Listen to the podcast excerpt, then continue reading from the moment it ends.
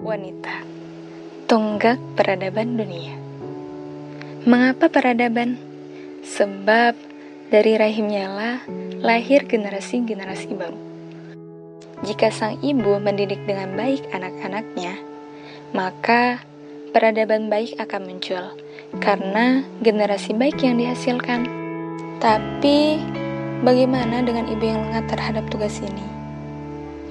Sebagai wanita, kita semestinya akan menjadi seorang ibu, baik itu ibu biologis ataupun ideologis. Tapi kita tidak tahu apakah kita akan menjadi ibu yang baik atau malah kita yang akan merusak anak-anak kita. Maka dari itu, kita perlu mempersiapkan diri untuk menjadi sebaik-baik ibu bagi anak-anak kita nanti.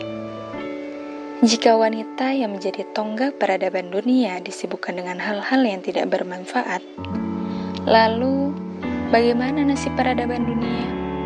Bagaimana jika tonggak itu lemah, tidak bisa berdiri tegak?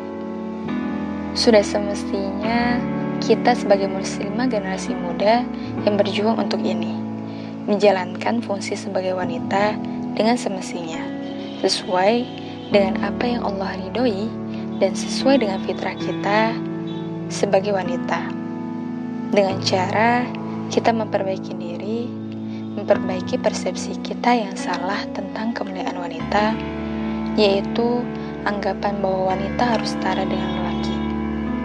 Padahal sejatinya, kemuliaan itu adalah dengan kita berlomba untuk mendapatkan ridho Allah sesuai dengan fitrah kita sebagai wanita, bukan untuk menyamai lelaki karena pada hakikatnya lelaki dan wanita berbeda.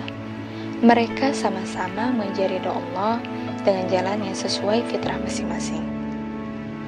Pendidikan juga sangat penting bagi wanita, sebab seorang ibu adalah madrasah pertama bagi anak-anaknya. Benar sekali ungkapan di balik lelaki yang sukses, ada wanita hebat di belakangnya. Karena dari peran ibu saja, kita bisa melihat bahwa pendidikan baik yang diberikan sang ibu mampu mengantarkan anaknya menuju pintu kesuksesan dunia, bahkan akhirat. Tugas yang sangat mulia yang dimiliki wanita yaitu menjadi seorang ibu.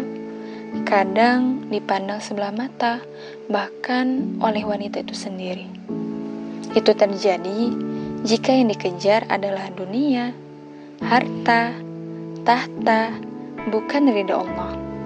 Maka dari itu, kita harus merubah persepsi kita terhadap dunia dan tujuan yang ingin kita raih. Kita rubah tujuan kita dari yang hanya mengejar kepopuleran, harta yang banyak, tahta yang tinggi, karir yang melejit, kepada satu tujuan mulia, yaitu mendapat ridho Allah. Bukan berarti menjadi seorang ibu menghalangi wanita untuk berperan di masyarakat. Wanita juga diperbolehkan menyampaikan pendapat sebagaimana layaknya lelaki berpendapat. Wanita juga tidak dilarang untuk bekerja di luar rumah, karena bekerja adalah sesuatu yang mubah, alias boleh-boleh saja, asalkan tetap dalam batasan syariat.